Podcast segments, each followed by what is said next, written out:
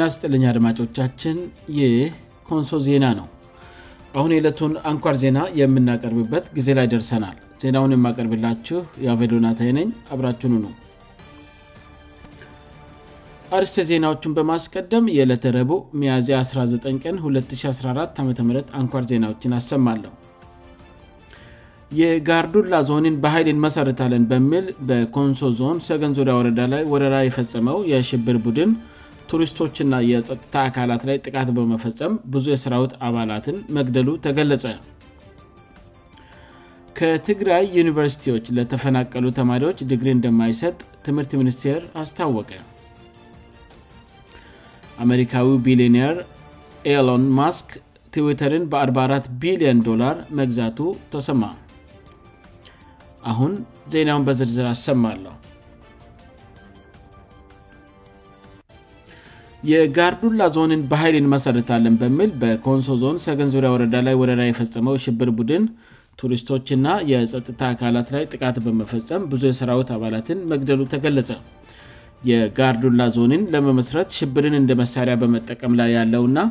በኮንሶ ዞን የሰገን ዙሪያ ወረዳ በመውረር ከአንድ ወር በላይ ህዝብ ሲገድልና ሲያፈናቅር የነበረው ጽንፈኛ ኃይል የሽብር ታክቲኩን በማስፋት ከትላንት በስቲያ መያዝያ 17 ቀን 2014 ዓም ከ40 ምንጭ ወደ ጅንካ መስመር በመጓዝ ላይ በነበረ የቱሪስት መኪና ላይ ጥቃት መፈጸሙንና ይህንንም ተከትለ አካባቢውን ለማረጋጋት በተንቀሳቀሱ የፌደራል ፖሊስ እና የደቡብ ልዩ ኃይል አባላት ላይ ጥቃት በመፈጸም ብዙዎችን መግደላቸውን ከአካባቢው የደረሱ መረጃዎች አመለከቱ ሰኞው ሚያዚ 17 ቀን 214 ዓም እነዚያ ፅንፈኞ ኃይሎች ከ40 ምንጭ ወደ ደቡብ ኦሞ በጓዝ ላይ በነበረ የቱሪስት መኪና ላይ ድንገተኛ ጥቃት ፈጽመው ቱሪስቶቹን ጨምረው የተወሰኑትን መግደላቸውን ሌሎቹ መኩሰላቸውንና መኪናውን መቃጠሉን የመረጃ ምንጮቻችን አረጋግጠዋል በህይወት የተረፉትን በመታገታቸው የታገቱ ቱሪስቶችን ለማስለቀቅ የፌደራል ፖሊስ ሰራዊት ወደ ስፍራው ደርሰው ታጋቾቹን ለማስለቀቅ ከታጣቂዎቹ ጋር ባደረጉት የተኩስ ልውውጥ ሁለት የፈደራል ፖሊስ አባላት ሊቆስሉ ይችለዋል ከቆሰሉ የፌደራል ፖሊስ አባላት አንዱ የሆኑት ሳጀን ቦረዳ ከባድ ጉዳት በማስተናገዳቸው ወደ ያቬሎ ሆስፒታል ቢወሰዱም ከአቅማቸው በላይ በመሆኑ ወደ አዲስ አበባ በሪፈራል እንዲሄዱ በመጠየቁ የሰራዊት አባሉን ወደ ሆስፒታሉ ያደረሰው የሰገን ዙሪያ ወረዳ የጤና ጥበቃ ጽህፈት ቤት አምቡላንስ ቁስለኛውን ይዞ ለመመለስ ተገዷል ትናንት ማክሰኞው ሚያዚ 18 ቀን2014 ዓም ቁስለኛውን ወደ አ0 ምንጭና ከዚያም ወደ አዲስ አባ ለማድረስ አምቡላንሱ በሁለት የፌዴራል ፖሊስና የደቡብ ልዩ ኃይል ፓትሮል መኪኖች ታጅቦ ታጣቂዎቹ ጥቃት ከሚፈጽሙበት አካባቢ አምቡላንሱን በአጀብ ካሻገሩ በኋላ ወደ ኋላ ወደ ሰገን ዙሪ ወረዳ በመመለስ ላይ ሳሉ በሽብርተኛ ታጣቂዎቹ በተለምዶ ጉመይ ደማ ዞሪያ ወይም ሆልቴ ተብሎ በሚጠራው አካባቢ ላይ ባደፈጡ ሽብርተኞች ድንገት በተከፈተባቸው ጥቃት የመኪኖቻቸው ጎማዎች በመተንፈሳቸው መንቀሳቀስ ባለመቻላቸው ራሳቸውን ሲከላከሉ ቆይተው የአካባቢው የደቡብ ልዩ ኃይል አዛዥ የሆኑት ኮማንደር ቶቤን ጨምሮ ከሀያ የማያንሱ የፌደራል ፖሊስ እና የደቡብ ልዩ ኃይል ሰራዊት በፅንፈኞቹ ተጨፍጭፈው መገደላቸው ታውቋል ሁለት የፓትሮል መኪኖችና ፓትሮሎቹን ተከትለው ከ4ምንጭ መስመር ወደ ኮንሶ አቅጣጫ ሲጓዙ የነበሩ ሌሎች አምስት አነስተኛ የህዝብ ማመላለሻ ተሽከርካሪዎችን ምሮ በድምሩ በትናንትናው ምሽት ሰት መኪኖች ሆልቴ ላይ በቃጥሎ ወድመዋል ሆልቴ ላይ በጥቃት ስር ያሉ የሰራዊት አባላትን ለማስለቀቅ ከኮንሱ አቅጣጫ የተላከውም ሆነ ከ4ን አቅጣጫ የተላከው ሰራዊት በየአቅጣጫው በተከፈተባቸው ጥቃት ስፍራው መድረስ ባለመቻላቸው ከፍተኛ ቁጥር ያለው ሰራዊት ህይወቱን አቷል ከኮንሶ አቅጣጫ ሲመጡ የነበሩ አጋዥ የሰራዊት አባላት ጋቶ ተብሎ በሚጠራው ቦታ ላይ በተመደበ የሽብርተኛ ቡድን ተኩስ ተከፍቶባቸው ሲከላከሉ ቆይተው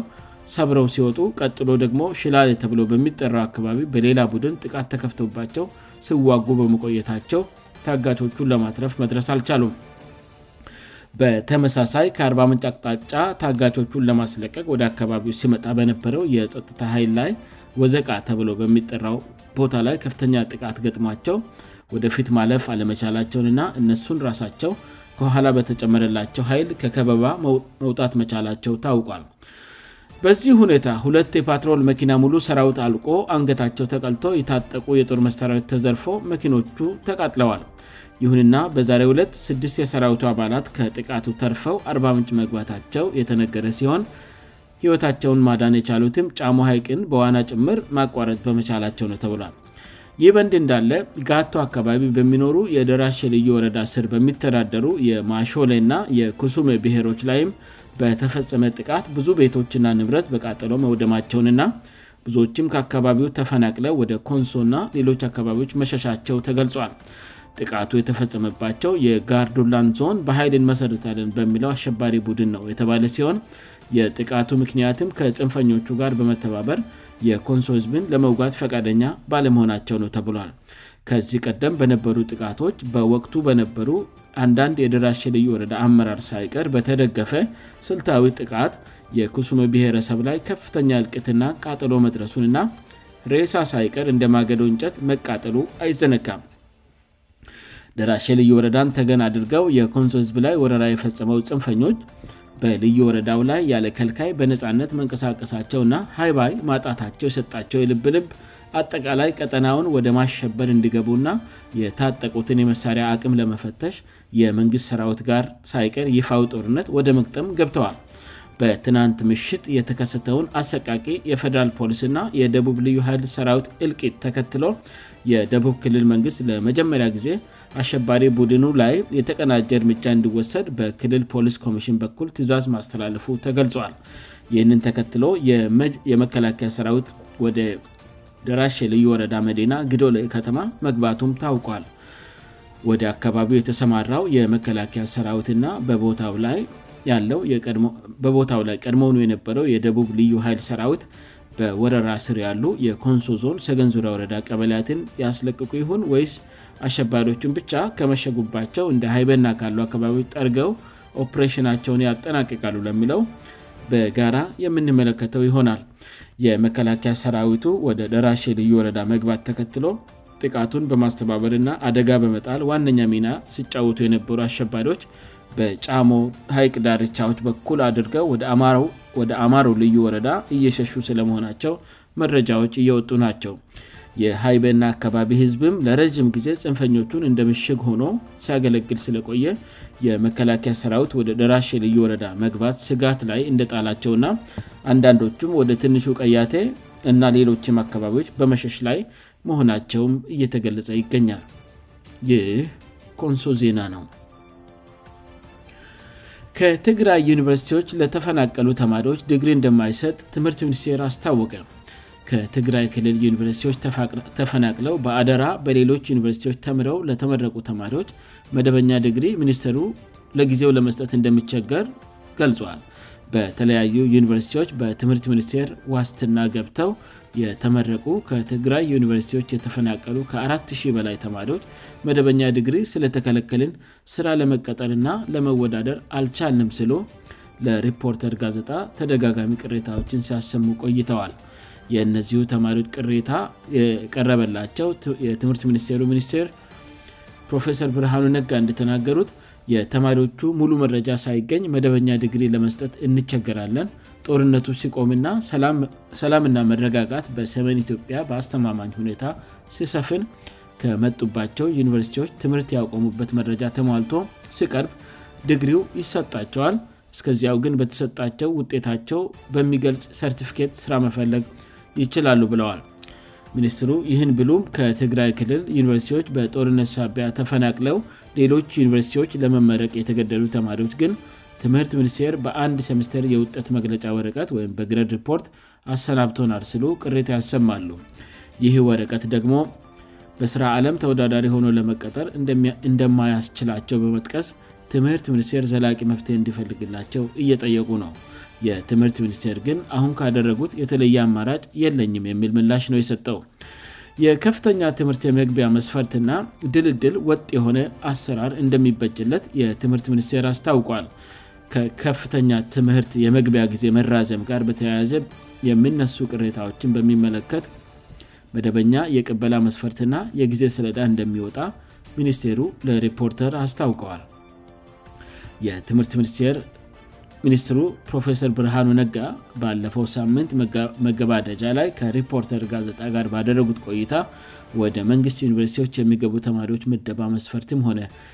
የቅበላ የጊዜ ሰለዳ መደበኛ ና ወጥ የሆነ አሰራር ይዘጋጀለታል ብለዋል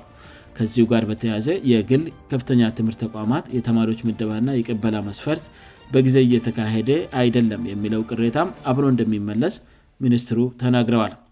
በግል ኮሌጆችእና ዩኒቨርስቲዎች ገብቶ ለመማር በትምህርት ሚኒስቴር በኩል የቅበላ ውጠት ይፋ ሳይደረግ ለረዥም ጊዜ በመዘግየቱ ላይ ተቋማቱ ቅሬታ ሲያሰሙ መቆየታቸው ይታወሳል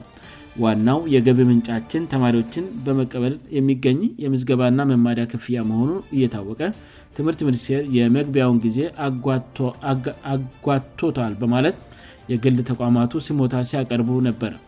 ይህ ጉዳይ በቀጣዮቹ ጥቂት ቀናት መልስ እንደሚያገኝ የገለጸው የትምህርት ሚኒስቴሪም የከፍተኛ ትምህርት ተማሪዎች ምደባን ሰኞ ዕለት ይፋ ማድረጉ ይታወሳል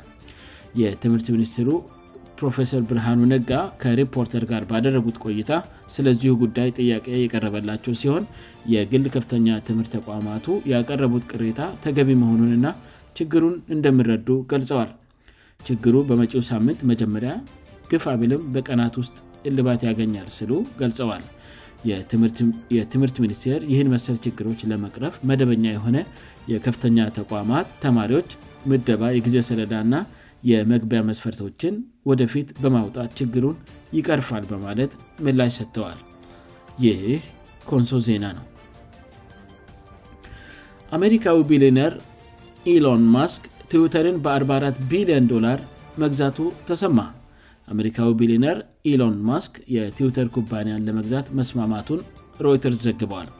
ቢሊነሩ ኢሎን ማስክ ቲዊተር የተሰኘውን የማኅበራዊ ሚዲያ በ44 ቢሊዮንዶላር ለመግዛት ውሎ የፈጸመ ሲሆን ይህም በሚሊዮን በሚቆጠሉት ተጠቃሚዎች እና በዓለም የፖለቲካ መሪዎች የተሞላውን ቲዊተር በዓለማችን ቁጥር1 ባለጸጋ በሆነው ሰው እንዲያያዝ አድርጎታል በዓለም ላይ በጣም ብዙ ተጠቃሚ ካላቸው የህዝብ መገናኛዎች አንዱ ሆኖ ለወጣው እና አሁን በርካታ ፈተናዎችን እያስተናገድ የላለው የ16 ዓመቱ ኩባንያ ይህ ትልቅ ጊዜ ነው ራሱን የነፃ ንግግሎች አራማጅ ብሎ የሚጠራው ኢሎን ማስክ የዊዘየትዊተርን መዘመን ተችቷል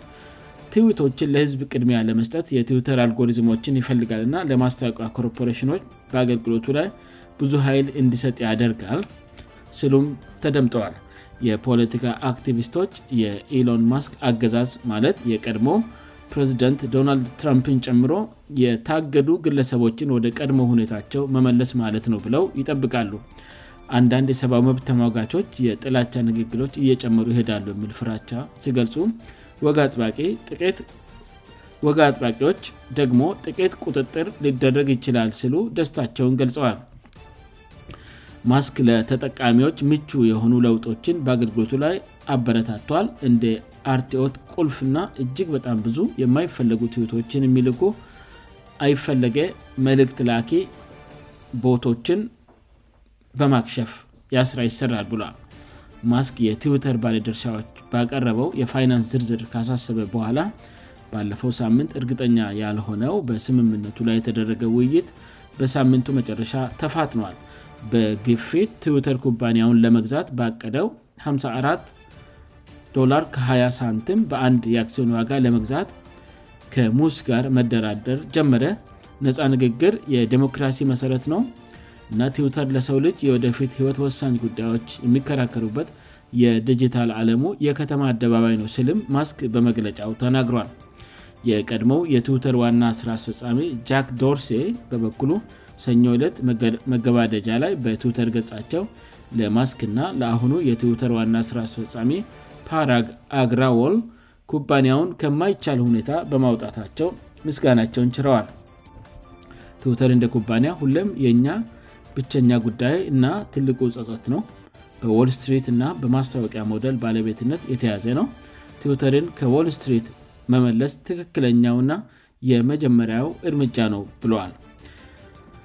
ኢሎንማስክ የግዢ ስምምነቱን ከፈጸመ በኋላ የትዊተር የአክሲዮን ገበያ ጨምሯል ይህ ኮንሶ ዜና ነው አድማጮቻችን ዜናውን ከማብቃት በፊት አርስ ዜናዎችን በድጋሚ አሰማለው የጋርዱላ ዞንን በኃይል ንመሰርታለን በሚል በኮንሶ ዞን ሰገን ዙሪያ ወረዳ ላይ ወረራ የፈጸመው የሽብር ቡድን ቱሪስቶችና የጸጥታ አካላት ላይ ጥቃት በመፈጸም ብዙ የሰራዊት አባላትን መግደሉ ተገለጸ ከትግራይ ዩኒቨርስቲዎች ለተፈናቀሉ ተማሪዎች ድግሪ እንደማይሰጥ ትምህርት ሚኒስቴር አስታወቀ አሜሪካዊ ቢሊዮኔር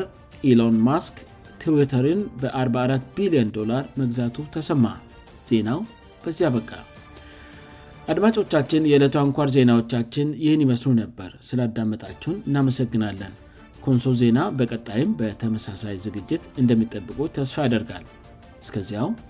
በደህና ቆዩም